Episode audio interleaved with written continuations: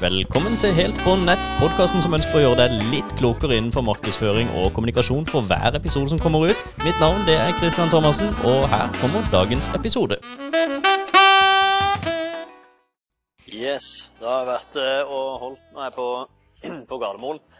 Har vært og holdt et foredrag for en gjeng eh, og det var veldig ålreit. Og jeg brukte kunstig intelligens i store deler av dette foredraget.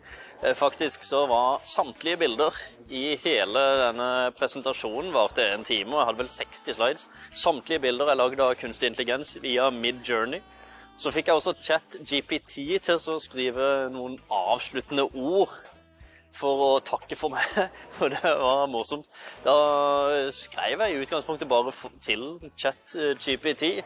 Se for deg at du har holdt foredrag om markedsføring for en eh, gjeng innenfor den bransjen. Eh, si noen avsluttende ord med avsluttende si takk for meg og noen avsluttende motiverende ord for fremtiden. Og så fikk jeg egentlig en veldig fin avslutning der sånn. Skal ikke ta og lese opp uh, den, for den har jeg ikke foran meg. Men uh, det var imponerende hvordan man kunne få da chat-GPT til å gå inn i en rolle og faktisk spille et slags skuespill. Det som er litt morsomt, Tidligere denne uka så testa jeg også et nytt verktøy som heter TOME, eller Tome. Tome.app.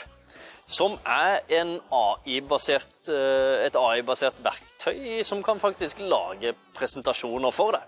Nå har jeg ikke brukt denne til dette foredraget her, sånn, og jeg tror nok ikke jeg kommer til å bruke Tome til å lage noen av disse foredragene jeg faktisk tar betalt for å gjennomføre.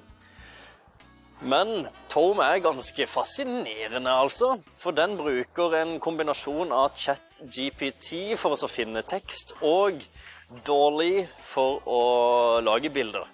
Så det du kan eh, gjøre med tome.app, det er en gratis eh, sak. Så kan du gå inn på den, du kan eh, si, eh, skrive, du kan skrive på norsk også. Lag en presentasjon om et eller annet tema. Lag en presentasjon om markedsføring i, på LinkedIn, eller lag en presentasjon om AI. Bruk av AI i markedsføring, eller lag en presentasjon om mote og klær og fargekombinasjoner i 2023. Altså Du kan be denne om å lage en presentasjon, og så får du da ferdige slides med bilder og tekst og full pakke. Altså fem til ti slides som egentlig er lagd, bygd opp ganske bra. Så det, det, det er fascinerende hva, hva, vi får til med AI her nå fremover. Men øh, viktig også å huske på hvem som er mottaker av innholdet du lager. For det er lett å bare få AI eller kunstig intelligens da, til å faktisk bare mikke opp noe innhold i øh, høy hast, og så har du content der ute. Men husk nå på å faktisk lage ting som er verdifullt for den som er i din målgruppe. Det er litt viktig at det også holdes relevant. Vi må huske på at sosiale medier det er det er gjerne som kafeer, puber, nattklubber, utesteder. Det er steder hvor du møter mennesker.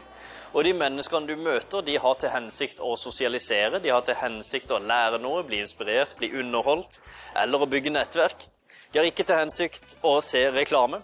Så skal du bruke kunstig intelligens i markedsføringa, ja, pass nå i alle fall på at du lager ting, noe innhold, som passer inn i den konteksten som du skal inn i. Altså ja, du har mennesker som ønsker å sosialisere. Du må berike de sin tilstedeværelse med kunnskap, underholdning eller noe som faktisk passer inn med det de allerede har til hensikt å gjøre.